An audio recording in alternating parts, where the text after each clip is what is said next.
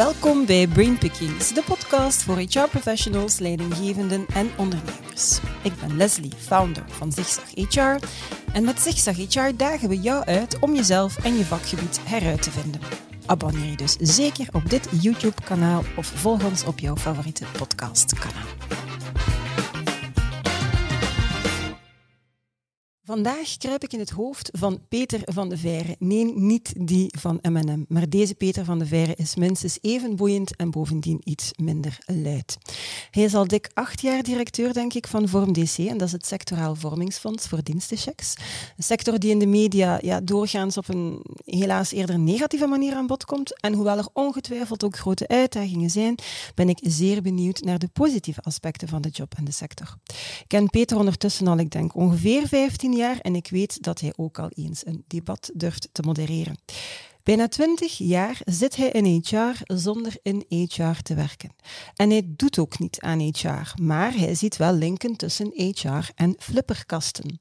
Wel, dat vond ik alvast drie goede redenen om eens in zijn hoofd te kruipen. En dat zijn zeker en vast ook drie goede redenen voor jou om te blijven luisteren of te blijven kijken.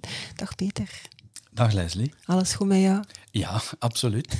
Beetje een thuismatje voor jou? Ja, absoluut. Ja, ja, ja, Kantoren en tour en taxis. Ja, ja vlak uh, hiernaast. Dus jij komt waarschijnlijk nu van, uh, vandaar. Ja, en het was daar heel rustig. de lichten waren zelfs niet aan. Er was niemand op kantoor vandaag. Amai, ja, maar inderdaad, met het aangekondigde beleid waarbij het toch weer aangeraden wordt om weer wat meer thuis te werken, uh, kom je ook niet meer al dagen naar Brussel. Nee, absoluut. Nee, Eén keer in de week. Eén keer om de veertien dagen. Oké. Okay. Goed. Welkom, de podcast show.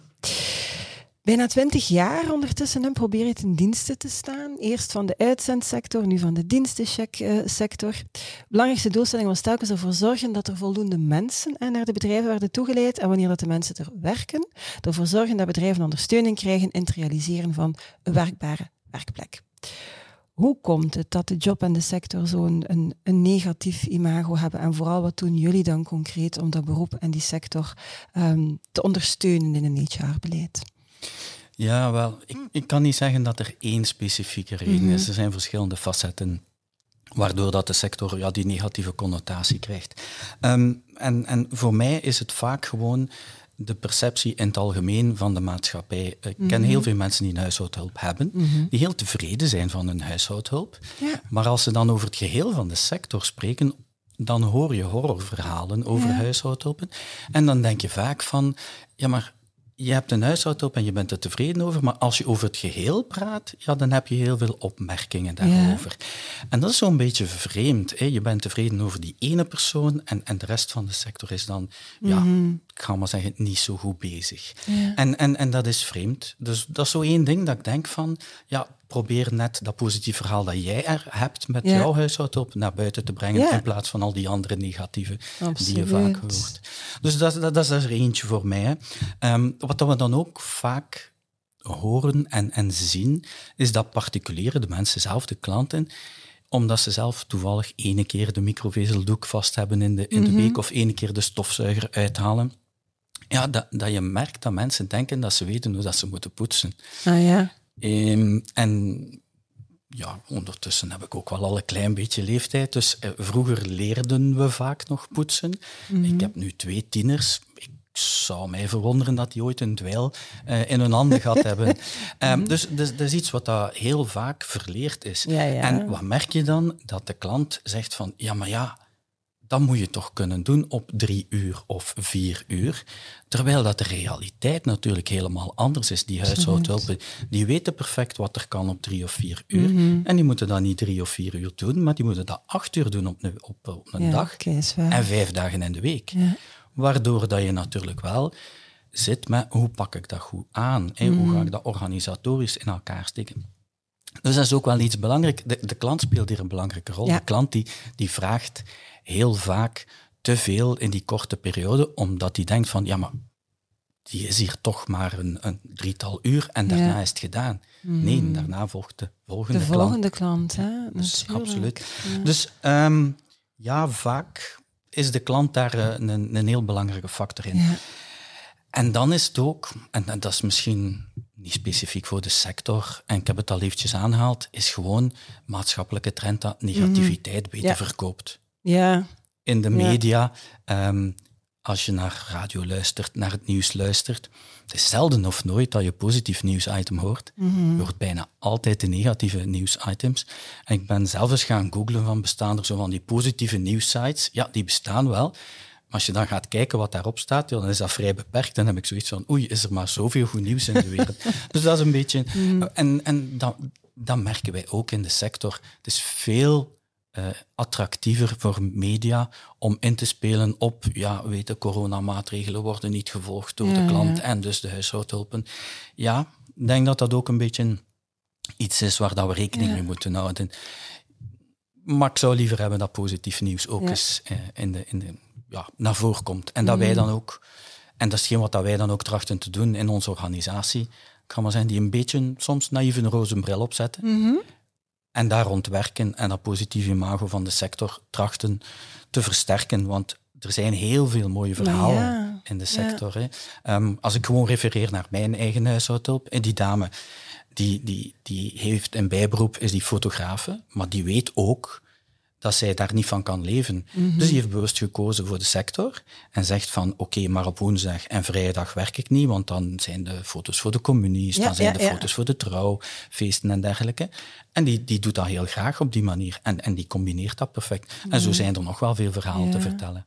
Ja, want waar ik vroeger woonde, ehm, ik heb nog een tijdje in, eh, in Eken gewoond, daar hadden wij ook een vrouw. En eh, echt de, de, de manier hoe dat zij het huis toen poetste, en mijn dochter was toen nog een, pak jonger, maar die kamer die was altijd, die, die knuffels stonden dan op een andere manier. Dat was alsof, dat was ook een mama.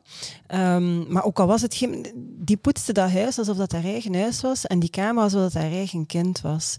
Ja, en dat vind ik inderdaad fantastisch. En op het moment dat we verhuisd zijn, ja, is ze niet meegekomen. En dat is nog altijd, vind ik, vreselijk, want dat was echt de ideale dame. Dus er zijn veel van die positieve verhalen. En misschien is dat dan een, eh, een project dat jullie eh, ook eens kunnen doen, zo al die positieve verhalen eh, in de wereld krijgen. Hè? Ja, Ja. We proberen dat al te doen in een aantal filmpjes die we maken Ja. voor huishoudhulpen en een beetje promotie voor de Mhm. sector.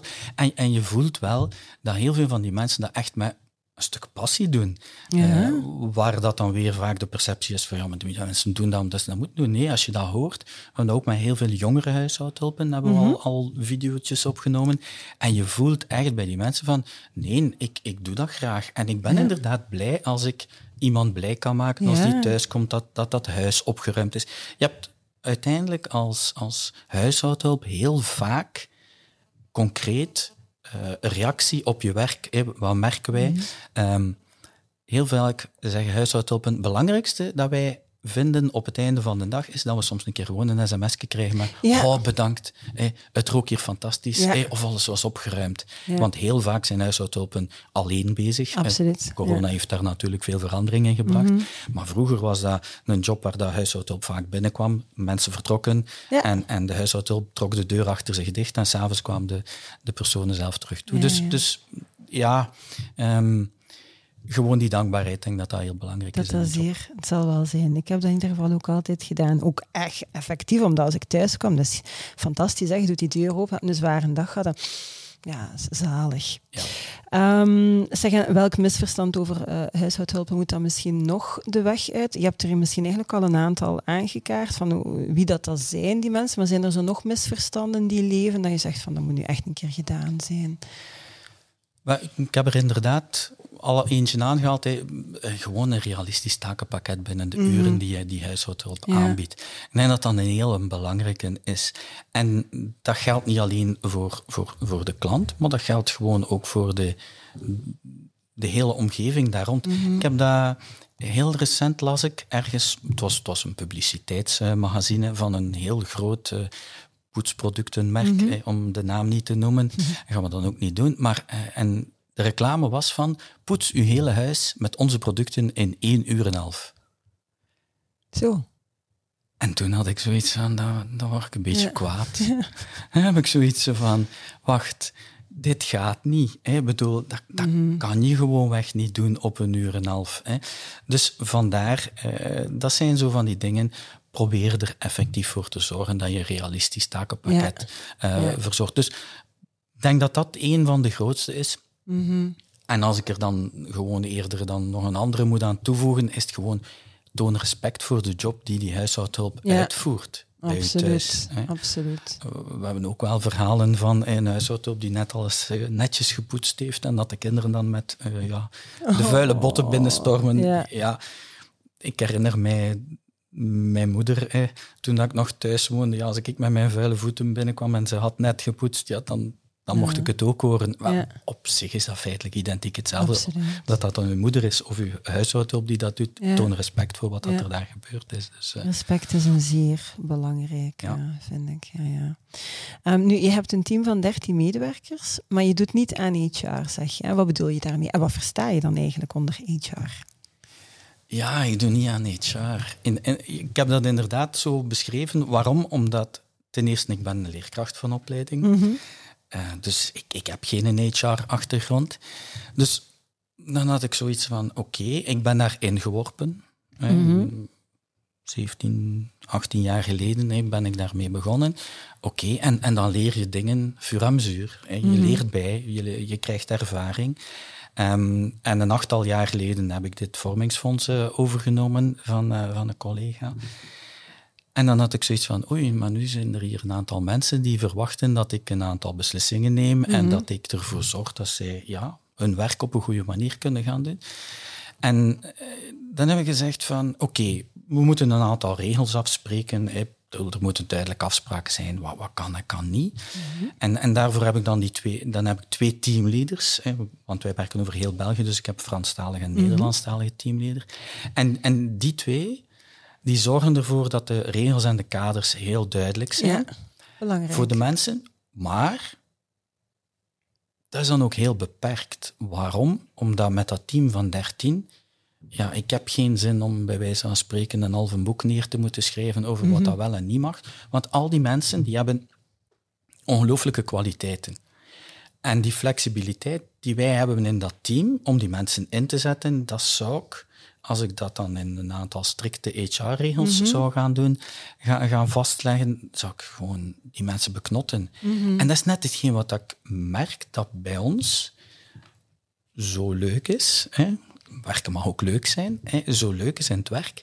Dat je, dat je heel veel andere dingen kan doen. En, en de mensen die, ja, sommigen zijn ja, bijna even lang, acht jaar als mij, in de organisatie, ja, die zijn niet aangeworven voor hetgeen wat dat ze vandaag doen. Ah, nee. Mhm. Die zijn compleet, ja, omgeschoold is misschien een groot woord. Gegroeid, ja, ze zijn ik. gegroeid, ja. Ja, ja, ja. Absoluut. En, en, en dat is zo tof om te zien, Mhm. dat je dan denkt van, ja, had ik dat nu allemaal in procedures, want dit is een account manager en dit is een projectmanager Mhm. en dit is... Ja, dan gingen die mensen gewoon in, in, in dat vakje blijven zitten, terwijl dat ze nu... En soms is dat ook een beetje een ongeleid projectiel, een beetje rondzwerven. En, en dan zeggen wij als organisatie van, kijk, dat project, wij denken dat dat iets voor u is. Zie je dat zitten? Mhm. Ja. En soms is dat een miscast. Hè? Dat hebben we ook al tegengekomen. Dat we gezegd hebben van oei, ja, dat mogen we in de toekomst niet meer doen. Mhm. Maar ja, worden die mensen daarop afgerekend? Nee, want uiteindelijk is het belangrijk dat je, dat je een aantal dingen probeert te realiseren. Als je natuurlijk niet je uiterste best doet om het te laten slagen, oké, Mhm. dan, dan ben je niet goed bezig. Maar, maar in de organisatie merk ik dat mensen echt er vol voor gaan als ze Ja. zoiets krijgen. Ja. En dat is dan wel het leuke. En dus vandaar dat ik zeg van, ik doe niet aan HR, want ik laat de mensen een stuk zelf komen met wat zij nodig hebben en wat zij willen vragen. En we zitten hier in een podcast. Ik heb eh, net de vraag gekregen van een van de medewerksters van, ehm, ja Peter, een podcast, ik denk dat we daar toch iets zouden moeten kunnen rond doen. Wat denk je, eh, kan ik daar een opleiding rond volgen? Kan ik daar wat informatie? Ik heb gezegd van, go for it. En, en oké, we zien wel wat dat ervan Mhm. Ja, komt. ja. Gebruiken we dat binnen de eerste zes maanden? Hoogstwaarschijnlijk niet. Maar misschien binnen een jaar. En op die manier krijg je dan Mhm. Ja. in dat team een soort, ja, ik moet dat zeggen, enthousiasme. Ja, ja, ja. Dat ervoor zorgt dat je Wat dat- dan maakt dat ze inderdaad eh, uit hun bed komen en, en graag daar gaan werken. Nu, maar uiteindelijk eh, zijn het dan de twee teamleads die een aantal HR-verantwoordelijkheden, eh, als ik dat dan zo mag noemen, op zich nemen. Daar hoef je inderdaad niet in strakke procedures te gieten. Ik hoor jou wel ook zeggen, en dat is wel een fundamentele, die regels zijn wel, de, de kader, het kader liever is wel duidelijk. Hè. Ze, weten ook waar dat de organisatie voor staat, wat dat, wat dat de focus is.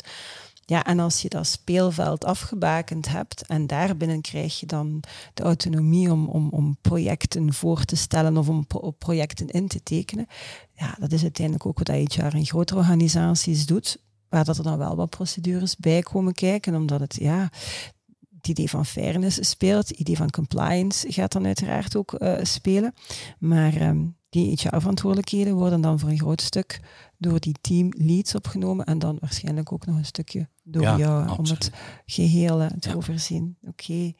Ehm, je hebt mij enorm geprikkeld, eh, Peter, ehm, bij het, eh, bij, eh, ja, toen dat je zei van misschien moeten wij een keer inderdaad samen een podcast opnemen. Je zei dat er een link is tussen HR en flipperkasten. Ja, ting, direct mijn hoofd. Ik was alert. Je zegt dat je daar al zes jaar mee bezig bent. Dan maak je mij dus zeer benieuwd, want ik ben opgegroeid in de horeca tussen de flipperkasten. Ja, en dan denk ik van welke link met HR heb ik dus nog niet gezien? Vertel. Ja, flipperkast. Ik, ik hoop dat de luisteraars dat ooit al zelf allemaal gedaan hebben. En als ze het nog niet van Ja, wel. Ja. ja. En als ze het nog niet gedaan hebben, een warme oproep om het te Mhm. gaan doen. Ehm, waar, waar zit de link? Ehm, voor degenen die het al gedaan hebben, ik, ik herken heel veel mensen die bij mij thuiskomen en die dan spelen voor de eerste keer in lange tijd. En wat proberen die? De enige focus ligt op die twee flippers en dat balletje en ervoor te zorgen dat dat in de lucht blijft. Allee, in Ja, de lucht, ja, in ja. het spel blijft. Dat hè. niet in dat gaatje Voilà, verdwijnt. Niet in dat gaatje verdwijnt. Hè. Ehm, en, en ik merk dat in heel veel, allee, heel veel organisaties, misschien overdreven, maar in organisaties het balletje in de lucht houden. Hè. Ervoor zorgen dat alles blijft draaien. Hè. Maar als je dan een beetje verder kijkt in een flipperkast, dan heb je daar een hele pleiade aan, aan, aan vormen en geuren en kleuren. En ook een heel aantal spelregels Mhm. die ervoor zorgen dat je niet moet focussen op ja, dat balletje in de lucht houden, maar ervoor zorgen dat je zegt van kijk, als ik dit doe in die flipperkast, dan heeft dit tot gevolg. En als ik dan daarna die combinatie maak, dan kan ik ervoor zorgen dat op het eind van de rit dat ik een high score speel. En uiteindelijk dat ik dan ja, een goed resultaat heb. Ja, ja. En in HR is dat ook zo. In die zin, je werkt met mensen. Feitelijk moet je ervoor zorgen van welke combinatie van mensen heb ik nodig in mijn organisatie? Hoe zet ik die in? En hoe zorg ik ervoor dat ik op het juiste moment, op de juiste plaats, daar gebruik van maak van Ja. die mensen? Dat is misschien Ja. een beetje... Dat, dat je tap into their talent, zou ik dan zeggen in het Engels. Ik ben ook naar het Nederlandse woord aan het, aan het zoeken. Ja, maar ik snap wat je wilt zeggen. Ja, Ja. En als je dan gewoon kijkt naar flipperkasten, je hebt flipperkasten die gigantisch snel zijn. Mhm. Waar dat je zegt van, oké, onmiddellijk resultaat. Je hebt flipperkasten die heel langzaam een spel opbouwen. Ik, ik, ik heb een kast waar dat ik 25 minuten aan één spel kan spelen. Ja? Ehm, 25 minuten? ja, ja, ja. ja, ja. Oké, ja. Mijn vrouw krijgt daar de kriebels van, want ik st- meestal vlak voor het eten speel ik dan een spelletje. En als ik dan vijf, dan is het eten koud. Dus. Maar, maar het, het feit is, dus je hebt die, hele, dat hele gamma aan kasten. En voor mij zijn dat ook een stukje de mensen die je in een organisatie hebt. Mhm. Want die mensen, sommige mensen willen heel snel resultaat. Heel, Ja. heel snel naar een doel toe werken. Terwijl de anderen zeggen van, nee, nee, geef mij maar het proces. Ja, ja. Hè, en, en we komen wel tot het resultaat. En op die manier allee, zie je de linken heel vaak, eh, waar, waaraan dat ik dan zeg van, ja, ehm, ja die persoon, goh, dat, is, dat is wel zo iemand. Ja. En, en ja, vandaar de link, eh, flipperkast en HR. Op Zeg, en heb je dan meer dan één flipperkast thuis? Of? Eh, ja, ik ben eh, zes of zeven jaar geleden begonnen met ik dacht dat je ging zeggen zes. Je hebt er zes. Nee, je hebt Eh, er... jawel, ik, heb er, ik ben met eentje begonnen en diegene waarvan ik het kocht, die zei mij, ja Peter, het, het probleem is die, die, die kweken. En ik dacht zo van, hm, wat bedoelde daarmee? Ik heb er inderdaad zeven, en ik heb er ondertussen een twintigtal al versleten in die... En waar staan die dan? Ehm, er staan er een tweetal in de living. Oh. Eh, ik ben aan het kijken om een, een mancave verder uit te bouwen waar dat ik er een stuk of twaalf kan zetten. Dus, eh, Oké, goed. Dan moeten we een keer een, een event doen met zich, eentje met flipperkast. Amai, maar in uw living ook zelfs. Ja, Ja. jezus. Ik ben blij dat ik niet met u getrouwd ben. dan een keer, dat is een gespreksonderwerp als Alexander dan een keer zie van, amai. Ja. Goed, maar ik vind het wel inderdaad een, eh, een, een leuk beeld, want ik was, en ik van, nee, ik zeg, welke, welke metafoor? Ik, ik, normaal gezien vind ik heel snel de linken en, en nu vond ik ze niet, maar als je het zo omschrijft, klopt inderdaad. Een stukje, ja, ja, mooi. Zeg, wat, ehm, terug naar de huishoudhulpen even. wat moet dringend uitgevonden worden om het leven van huishoudhulpen beter, makkelijker, efficiënter, performanter te maken? Ik heb er even... Allee, ja, een materiaal zou ik zeggen... Mhm. Op dit moment zie ik het niet. Nee. Ik bedoel, er, er, er is van allerlei materiaal op de markt. die- Dat is het die probleem perfect- niet. Ja, Nee. Voor mij is, ligt daar het probleem Mhm. niet. Ik denk dat het probleem veel meer ligt in de houding die wij als klanten hebben Mhm. ten opzichte van de job van huishoudhulp. Ja. En dat is dan ook perfect hetgeen waar dat wij naartoe willen. hè. Wij hebben eh, campagnes eh, ro- rond eh, voor, voor de klanten van de huishoudhulpen. En de titel is altijd Ik toon respect. Ja. En ik denk, als er één ding nodig is voor de job van huishoudhulp, is, is het respect. ja. En ik denk, eh alle materiaal kan gekocht worden. Het is op de markt. Mhm. Je moet het gewoon ter beschikking stellen van je huishoudhulp. Maar ik ga maar zeggen, dat één woordje respect Ja. is, is zo belangrijk. ja. En Ja. niet alleen voor huishoudhulpen, Bij Ja. uitbreiding naar... voor eh, alle werknemers. Ja, of dat dat dan politie of, of, of brandweerman of, of dienstverlenende beroepen. Ja. Ik denk dat daar voor heel veel, eh, heel veel beroepen eh, van tel is. En ik denk dat ook een beetje de, de huidige tendens is in de maatschappij. Alles gaat snel en men vergeet al snel wat iemand doet voor u. Ja, absoluut. Ik ben er absoluut mee akkoord. En het goede nieuws is dan dat het eigenlijk niet zo moeilijk zou moeten zijn om dat dan te realiseren als we allemaal gewoon effectief respect tonen. Secours. Absoluut. Het Ja. is makkelijk, het kost niks. Het is, ik ga maar zeggen, iets dat vijf seconden Ja. tijd in beslag neemt. Hè, Ja. Want tijd is toch iets wat we allemaal tekort hebben vaak. Mhm. Dus feitelijk zijn er een aantal dingen. Het ligt zo voor de hand. Ja. Dus doe het gewoon, zou ik dan maar Ja. zeggen. Absoluut, zeker en vast. Stel Peter, ik stop jou in een teletijdmachine. En ik heb jou die vraag op voorhand doorgegeven dat je even kon nadenken. Hè. In welk jaar wil jij dan terechtkomen? Wie wil je daar ontmoeten en waarom? Het was goed dat je die vraag op voorhand eh, doorgespeeld had, want anders ging ik nu met mijn mond vol tanden zitten. Sowieso naar de toekomst. Ja. Ehm, omdat ik zoiets heb zo van, ja, het verleden denken we te kennen. Hè. Mhm. Ik zeg denken we te kennen. En ik ben altijd iemand die zo graag vooruit kijkt. En Mhm. dus ik zou zeggen, naar de toekomst, ja, hoeveel jaar? Goh, 30, 40 jaar. Moet niet zo Mhm. extreem ver zijn. Vliegen we dan al in plaats van dat we rijden? Ik moet eens vragen. Ehm, ja, maar eh, de... En dan met wie? Ja. Eh, natuurlijk is dat dan moeilijk, hè, want Ja. ja. iemand binnen 30 of 40 jaar. En dan had ik zoiets van, feitelijk wil ik gewoon mijn zoon en mijn dochter eens zien. Oh, ja.